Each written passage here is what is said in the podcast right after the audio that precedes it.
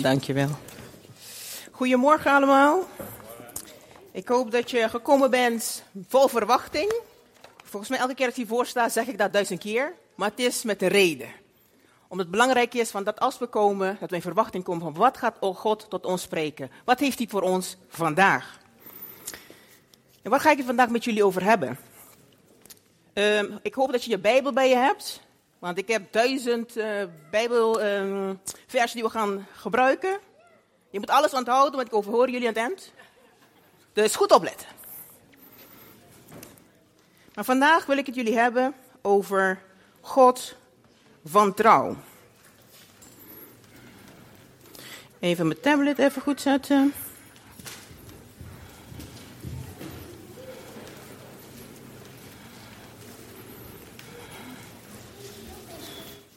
Maar wat is trouw nou eigenlijk? Wat is dat? De vraag is, begrijpen wij wel wat trouw inhoudt? Is het maar christelijk jargon? Een mooie lied die we zingen? Mag ik de eerste sheet alsjeblieft? Bijvoorbeeld deze lied, opwekking 542. Prachtige nummer, die spreekt over de trouw van God.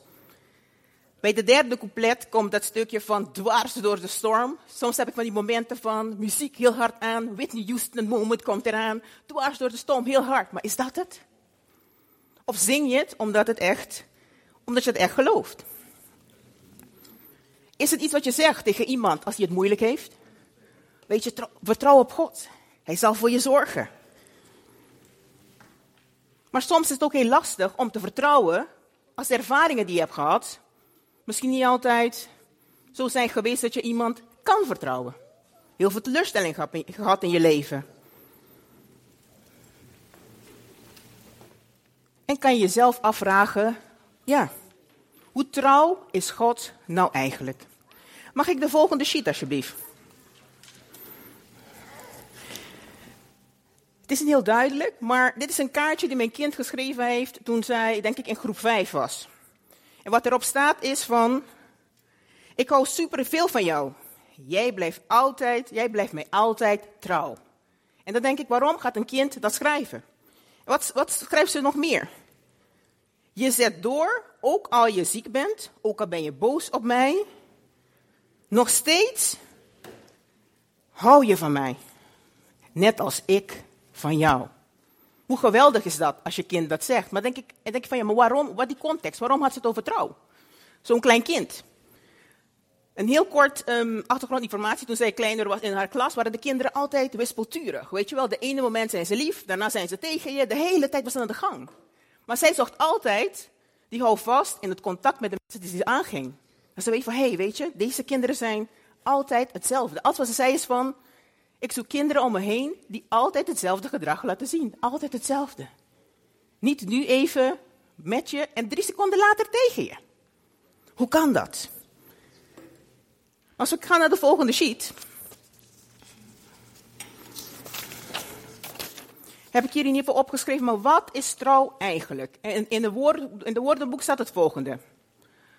ik ga het even voorlezen, dan kan jullie ook meelezen. Trouw of loyaliteit is een morele verbondenheid die je aangaat. Vasthoudendheid. Of het zich houden aan een verbintenis. Tenminste, als iemand trouw, ga je ervan uit, van als hij daar staat, van ik zeg van ja, ik ga ervoor dat je dat ook doet. Een band, een verplichting. En waar deze verplichting niet wordt nageleefd, dan wordt de trouw geschonden. En ontrouw doet zijn intrede en kan er sprake zijn van verraad. Oké. Trouw bestaat uit twee aspecten. En dat is trouw zelf en betrouwbaarheid.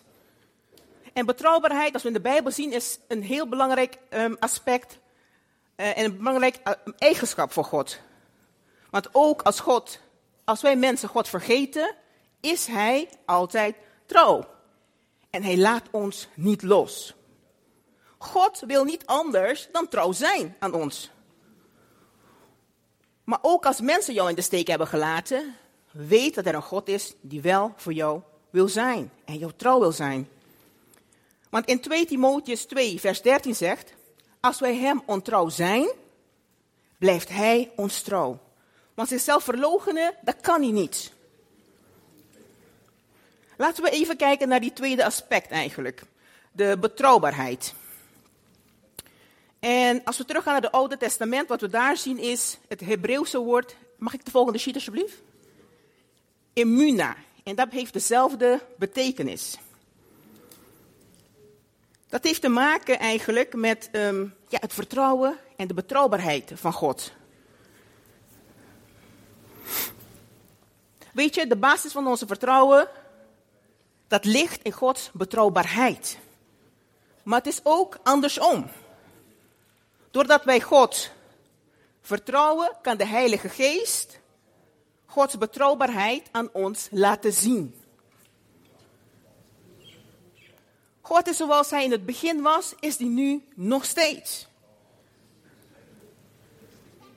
En eigenlijk, zijn betrouwbaarheid maakt dat wij hem willen vertrouwen. Toch? Want anders, waarom zou je opkiezen? Ja. Waarvoor ga je, waarom, ja, waarom denk je van, nou, ik moet geloven? Ja. Maar belangrijk is ook, um, is dat God ons, ja, weet je, niet vergeet. Want dat is echt iets zo essentieels eigenlijk.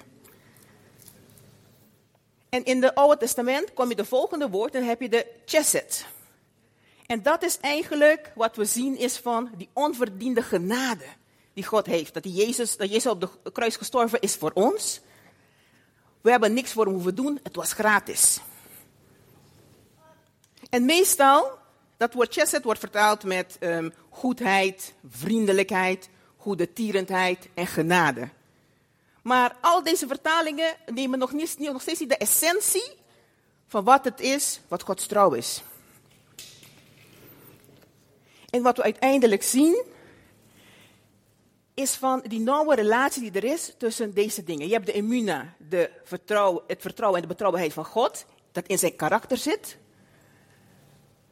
De genade die God voor ons heeft door Jezus, voor ons op het kruis te laten sterven.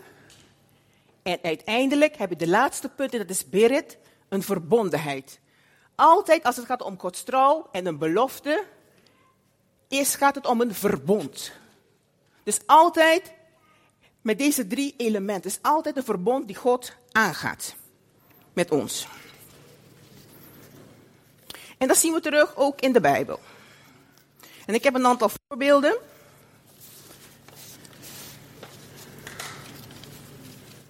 Is dat God ook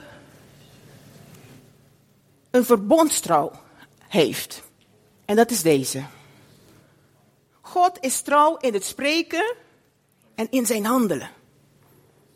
Als God iets belooft, dan doet hij het ook. Een duidelijk voorbeeld, dat zien we natuurlijk ook in uh, ja, de verbond die God is aangegaan met zijn volk Israël. God heeft, God heeft Abraham ook stamvader gemaakt. Heeft een belofte gegeven. En God houdt zich vandaag de dag nog steeds aan zijn beloftes die hij heeft gegeven. En als we kijken naar Jeremia 29, vers 10. En daar staat: Dit zegt de Heer. Als er in Babel 70 jaar voorbij zijn, zal ik naar jullie omzien. Dan zal ik mijn belofte gestand doen door jullie naar Jeruzalem terug te laten keren. Mijn plan met jullie staat vast, spreekt de Heer. Ik heb jullie geluk voor ogen, niet jullie ongeluk. Ik zal je een hoopvolle toekomst geven. Hoe geweldig is dat als je weet dat je een hoopvolle toekomst hebt, omdat God dat heeft gezegd. En vertrouwen we daarop dat wat God zegt waar is. En we kunnen naar de volgende sheet. Want het gaat niet alleen maar over een verbondstrouw van God, maar gaat ook over trouw naar elkaar toe. En omdat God trouw is, verwacht Hij dat wij ook trouw zijn aan elkaar. God vraagt van ons dat we ook in verbondenheid leven. In de dingen die wij doen. Dus als we dingen, dingen hebben beloofd, dat we dingen nakomen. Dat we ook eerlijk en oprecht zijn in ons doen en laten. Want door dit gedrag kunnen anderen zien dat God in ons leeft. Want in Johannes 3, vers 21 staat: Maar wie oprecht handelt, zoekt het licht, zodat zichtbaar wordt dat God werkzaam is in alles wat hij doet. En dan gaan we zo even naar Galaten 5, vers 22. Want een van de vruchten van de geest, in ieder geval in, in de NBG-vertaling, staat trouw. En in de herziene vertaling staat geloof. Ik dacht van, maar waarom staat er trouw en geloof? Het lijkt, in de Nederlandse taal lijken ze twee verschillende dingen, twee verschillende betekenissen. Maar echt niet helemaal. Want eigenlijk als je kijkt naar geloof, dat betekent het vertrouwen in de waarheid van iets. Dus op het moment dat, dat jij staat, in ieder geval op het moment van je geeft je belofte, op het moment dat je gaat trouwen. En je man zegt van, ik zal je voor eeuwig trouw zijn. Dan ga ik ervan uit dat wat hij zegt waar is. Toch? Dan ga je daar niet staan en denken van, dan zit je dan, heel veel mensen staan met de vingers op. Ja, ja, ik zal je trouw zijn. Maar ondertussen is het een leugen. Dus op het moment dat je kiest om te trouwen, denk je van, ik vertrouw hierop dat deze persoon er altijd voor mij zal zijn. Toch? En wat ook in Galaten 5 is, dat zijn allemaal eigenschappen van ons gedrag. Dus eigenlijk wat je ziet van de oprechtheid van onze handelen. Want in Engels staat het ook sincerity of intentions. Van um, iemand ter goede trouw handelt. En dat is belangrijk. Dat we ook dat laten zien. Want dat ook, ook dat valt onder trouw zijn.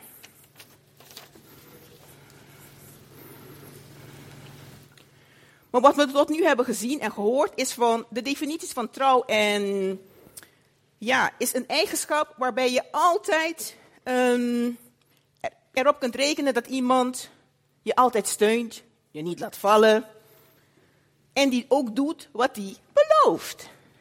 En dat innig verbonden is en zeer gehecht aan God. Maar ook wat we al hebben gezien, het laat zien dat het ook een onderdeel is van de vruchten van de geest. Dus heb je geen trouw, ben je niet iemand die echt trouw is, zou zeggen, op de knietjes en begin te bidden. Want Heer, als u woord zegt dat het de vrucht van de geest is, wil ik het zien in mijn leven. Amen.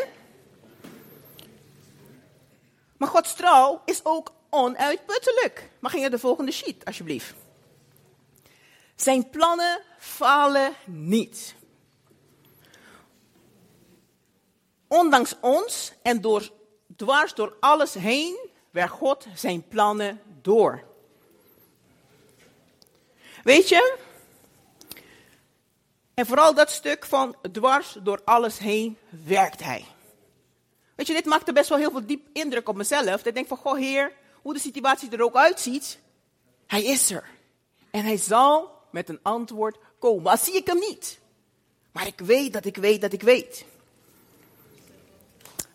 Mag ik de volgende sheet alsjeblieft? Want in Jesaja 55 staat, van vers 8 tot met 11, ga ik weer even voorlezen, kunnen jullie meelezen op de scherm. Mijn plannen zijn jullie plannen, zijn niet jullie plannen. En jullie wegen zijn niet mijn wegen, spreekt de Heer. Want zo hoog als de hemel is boven de aarde, zo ver gaan mijn wegen, jullie wegen te boven en mijn plannen jullie plannen.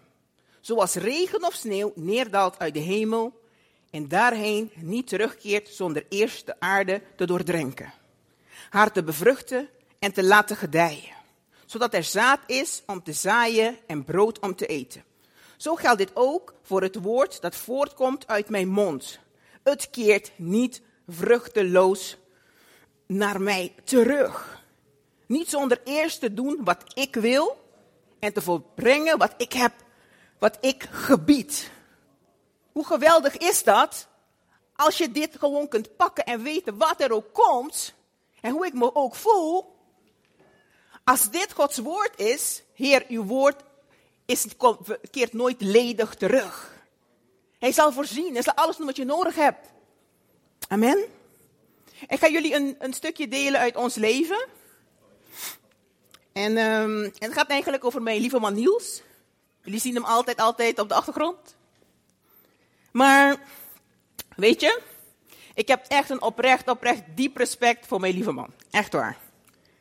Want als iemand is die kan vertellen over hoe het voelt om opnieuw te beginnen elke keer en God te vertrouwen, is hij het wel. In de 17 jaar dat wij samen zijn, hè? Echt.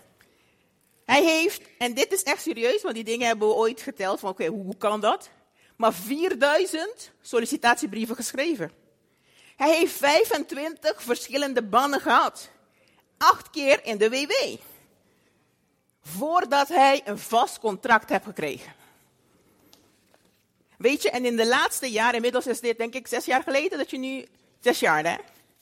De laatste keer voordat hij nu is gaan werken, voordat hij, waar hij nu werkt. Even kijken, deze. Echt hoor. Toen had hij nog 400 sollicitatiebrieven geschreven, waarvan hij 12 keer werd uitgenodigd. En één baan kwam eruit, een tijdelijke baan. Een paar maanden. Dus het vraagt van jou, waarom ik dit zeg, is van dat je gewoon een beeld hebt van waar, ik over praat. En waarom ik dat zeg. In al die jaren echt um, zoveel afwijzingen moeten incasseren. En um, nou ja, om de meest gekke redenen, van alles nog wat. Bedrijven waar hij heeft gewerkt zijn failliet gegaan. Nou, van alles en nog wat. Weet je, zoiets ga je niet op koude kleren zitten. Je wordt heel onzeker van. Maar ook daarin is het belangrijk om God te blijven vertrouwen. Maar ook hoe moeilijk het ook was. Ik keek op naar hem, want hij bleef staan. Soms zei hij van, oh, ik ga mijn ouders echt niet vertellen, want dan komen ze weer met de negatieve dingen. Ik moet gefocust blijven. Dan denk ik, wow, weet je, dat vind ik echt gaaf. Maar goed, in ieder geval, we gaan even snel uh, fast forward naar deze laatste baan. Heel prachtig, sollicitatiegesprek gehad. Binnen een half uur belden ze hem terug. Je hebt de baan. Eh, wij helemaal gelukkig, gebeden, want God zei, hier moet jij zijn. Oké, hartstikke prima. Begonnen met de baan. Eerste jaar bleek, volgens mij is dit hem toch niet. Kwam weer op het punt van, joh, onze weken moeten gaan scheiden nee, dit, dit, dit wordt hem niet. Maar we zeggen, maar Heer, u hebt gezegd, u hebt bevestigd dat daar is waar hij moet zijn. Hoe kan dit nou? Weer gebeden, ging hij naar het gesprek. Wat een afscheidsgesprek had moeten zijn, ging hij weer weg met een andere functie. Dan denk je, halleluja, prijs de Heer. Maar goed, het was nog steeds niet die vaste contract. Het was weer tijdelijk. En de tijd ging door en op een gegeven moment nog steeds in de onzekerheid van, hé, hey, nog steeds geen vaste baan. Maar Heer, u hebt beloofd. Kom weer twijfel. Maar misschien is het tijd om wat anders te gaan zoeken. Weer gesolliciteerd. Hij kon ergens terecht bij een, bij oude werkgever. Niks was echt, alles kon. Direct vast contract, de hele mikmak, alles erop en eraan. En we hebben weer gebeden. En we hoorden God zei, nee. Nee. Ja, maar het was contract. Nee. Daar is waar jij moet blijven. Oké, Heer. We leggen het weer in uw hand. En we gaan op u vertrouwen. En weet je wat er gebeurde? Kort daarna, waar alles leek van het gaat weer stoppen, geen duidelijkheid. Zijn contract werd opengebroken. Vast contract, promotie, alles erop en eraan. En waarom? Omdat je geluisterd hebt. Want God zei, hier is waar ik wil dat jij bent. En toch die keuze gemaakt, ondanks de onzekerheid, om toch te blijven. En zo gaat het ook in ons leven. Laten wij God de regie hebben. Heeft Hij de scepter over ons leven? En dit getuigt van mij hoe trouw God is. En ik kan jullie echt boeken vol schrijven van mijn zwangerschap tot mijn. En nou, vul maar in. Dat God dingen heeft gesproken en dingen zijn gebeurd. Op het moment dat Hij zei. Zelfs dat ik hier sta, is Gods trouw. Amen. De volgende sheet alsjeblieft. Want wat we nu ook gaan zien is van, er zijn ook hindernissen die ons kunnen hinderen om echt vol te kunnen houden aan de trouw van God. Want we hebben gehoord, zijn woord keert niet ledig terug. Maar kunnen we blijven houden aan zijn woord? Kan dat? Lukt het jou? Soms is het moeilijk. En dan gaan we even kijken naar Abraham. Weet je wat het is? God beloofde Abraham en Sarah een kind. Het was weer twintig jaar geleden. Geen kind. Dus wat zou je gaan denken? Is God een leugenaar? Is hij niet betrouwbaar? Maar kan je je voorstellen dat Sarah gewoon emotioneel kon worden in zo'n situatie? Ik wacht, ik wacht, twintig jaar geleden, ik word alleen maar oud. Hoezo kan dit gaan gebeuren? Hoe dan? Ja, God, ik God heb gezegd, maar ja, ja, ja. Dus Sarah werd emotioneel en duwde Abraham in de armen van haar bediende. In de hoop dat zij een kind zou krijgen. Dus hier zien we, Sarah werd te emotioneel. En ging zelf de hef in handen nemen. Maar wat gebeurde er toen? Want een van de hindernissen is, als onze emoties de boventoon gaan voeren, kunnen we verkeerde keuzes gaan maken, die buiten de wil en de belofte van God vallen. Jouw eigen handelen, wat je zelf wil gaan doen om de situatie te redden, te redden of te veranderen, die werken niet op een goede manier. Totdat je ze hebt overgegeven aan het woord die God hebt gegeven. Totdat je het hebt overgegeven aan God. Heer, u hebt gezegd, Heer. Ik sta erop, Heer. God zegt van, beproef mij. Maar doen we dat? En gaan we onze eigen weg? Onze eigen weg uh, en bepalen hoe wij het willen gaan doen. Even kijken. Yes. Bij Genesis 13. Dan ga ik even lezen. Want hier zien we dat God een belofte maakt. Hè? Nadat Lot was weggegaan, zei de Heer tegen Abraham: Kijk eens goed om je heen. Kijk vanaf de plaats waar je nu staat naar het noorden, het zuiden, het oosten en het westen. Al het land dat je ziet, geef ik aan jou en je nakomelingen voor altijd. En ik zal, zo, ik zal je zoveel nakomelingen, nakomelingen geven als er stof op aarde is, zoals het stof van de aarde ontelbaar is, zullen zij niet te tellen zijn. Kom, doorkruis het land, de hele lengte en breedte, want aan jou zal ik het geven. God geeft de belofte, maar kan niet vasthouden aan wat God zegt. Mag ik de volgende sheet alsjeblieft? Een andere hindernis is twijfel. Want als twijfel de boventoon gaat voeren, ja, dan gaan we ons eigen ding doen. Toch?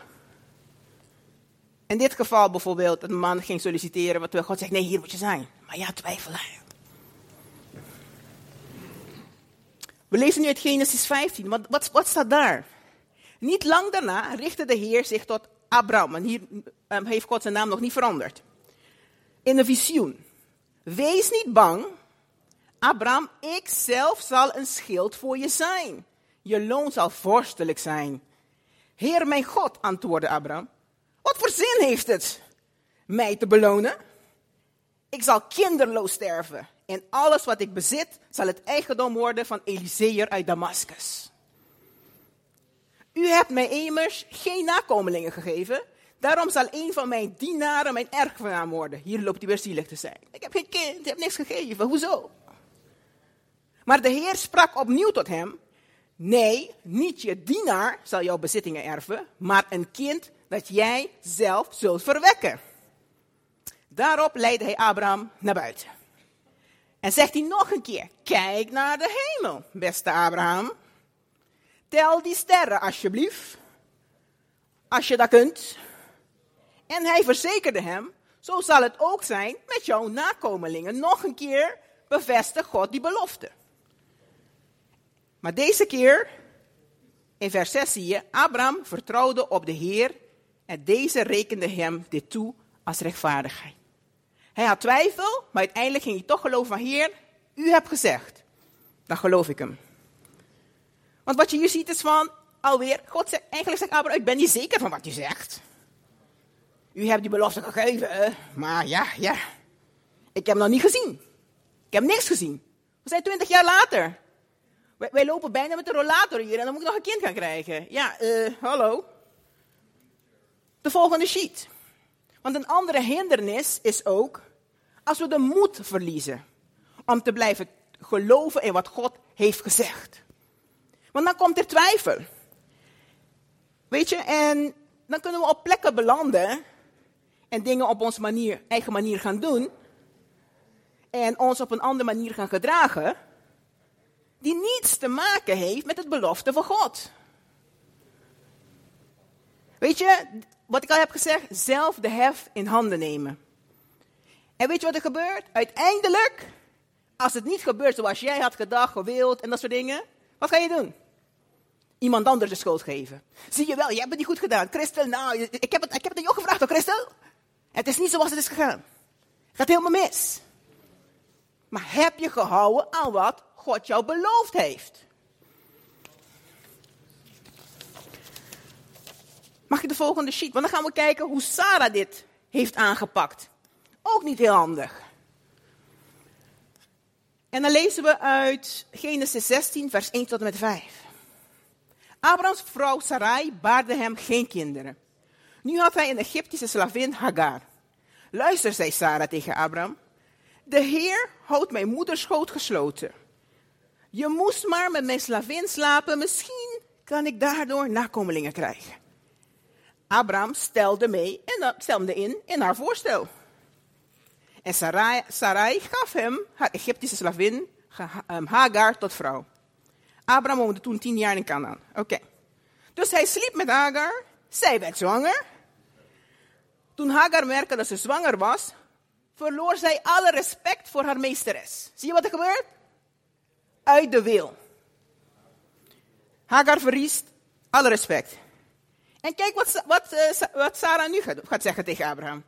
Voor het onrecht dat mij wordt aangedaan, ben jij verantwoordelijk. Zo, hallo Sarah, jij zegt tegen hem, neem die vrouw. En daarna ben je klaar.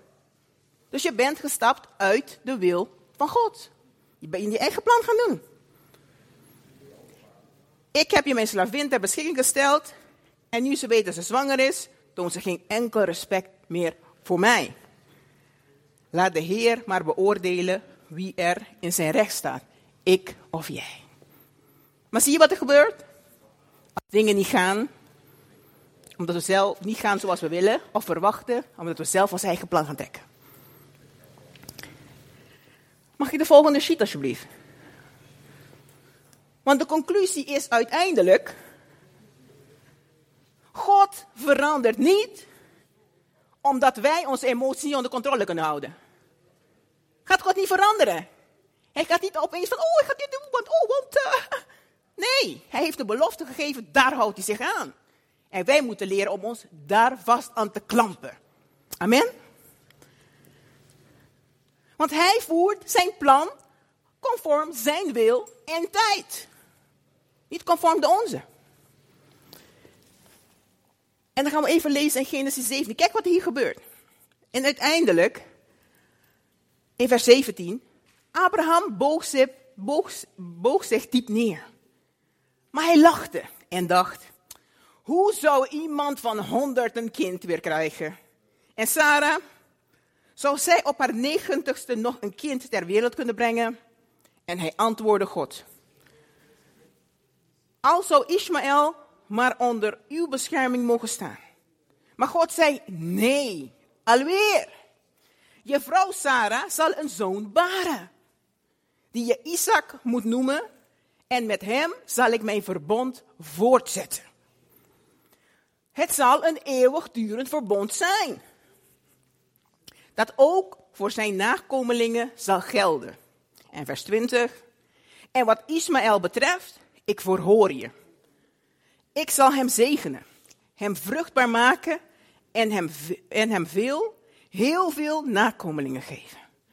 Twaalf stamvorsten zal hij verwekken. En er zal een groot volk uit hem voortkomen.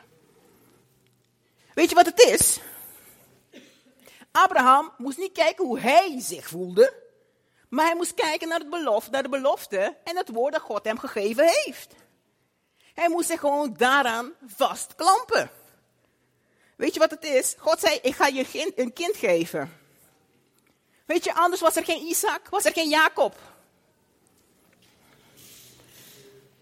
We kunnen Gods trouw niet ehm, zien en ervaren als we niet aan Hem vasthouden. Want hier zien we nog steeds God trouw en genade. Want ondanks dat Sarah en Abraham kozen om hun eigen plan te trekken, hun eigen zijstraatje, nog steeds zegt hij, weet je wat, ik zal Ismaël zegenen. Dan nog. Want God is een God van trouw. En hij zal er gewoon altijd zijn. Amen. De volgende sheet. En dit plaatje had ik in ieder geval gekozen. Maar weet je wat het is? Vertrouwen wij de God die wij aanbidden? Vertrouwen hem echt? Ben jij nog de koning over je eigen leven? Of heb jij de scepter overgegeven? Want als je niet ziet iemand die bungee gaat jumpen, hè? Uh, je hoopt maar dat dat lijntje wel uh, goed is. En anders zit jij, uh, ik weet niet, geplet als een soort pannenkoek. Begrijp je? Maar ergens vertrouw je dat die mensen het goed hebben gedaan, zodat als jij springt, jij mooi in je de adrenaline tot duizend komt en, je komt weer naar boven. Halleluja, prijs de Heer. Maar ergens heb je hen wel vertrouwd, toch? Laten wij God ons leven leiden. Maar weet je wat, dat, vraagt veel. Dat vraagt van, goh, je eigen eigen wijsheid aan de kant zetten. Niet alleen je eigen wil. Dat is niet altijd makkelijk. Maar doen we dat? Weet je, ik begrijp dat het gewoon lastig is als je negatieve ervaring hebt gehad. Dat mensen je altijd teleurstellen. Niet doen hun afspraken niet naar komen. Ja, maar hoe kan ik God gaan vertrouwen als in mijn basis niemand heb. Ik heb dat nooit geleerd. Ik heb dat geleerd. Hoe, hoe, dan? Hoe dan? Dan kom je hier mooi staan van, ja, vertrouw God. Je kent mijn leven niet. Je weet niet hoe het gaat.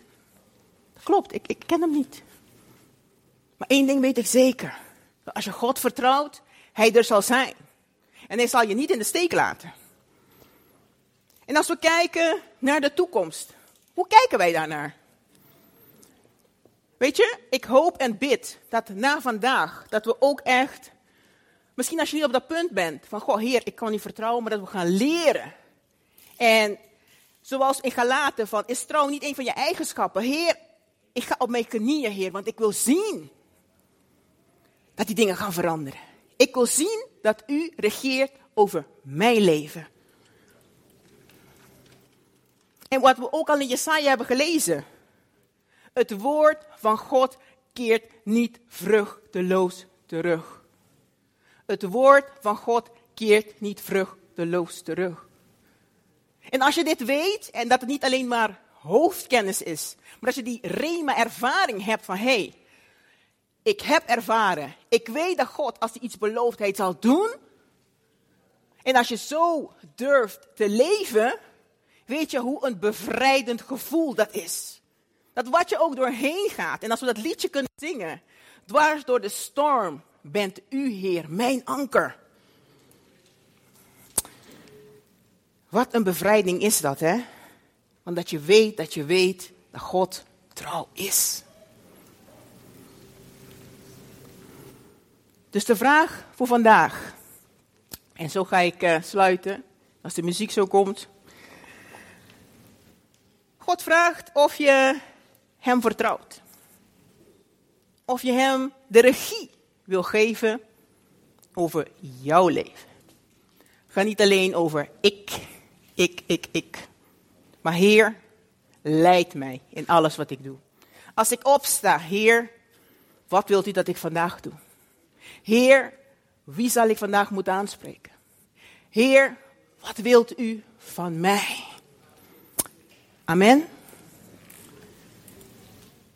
En uiteindelijk ben jij de enige die daar een antwoord op zal kunnen geven. Amen.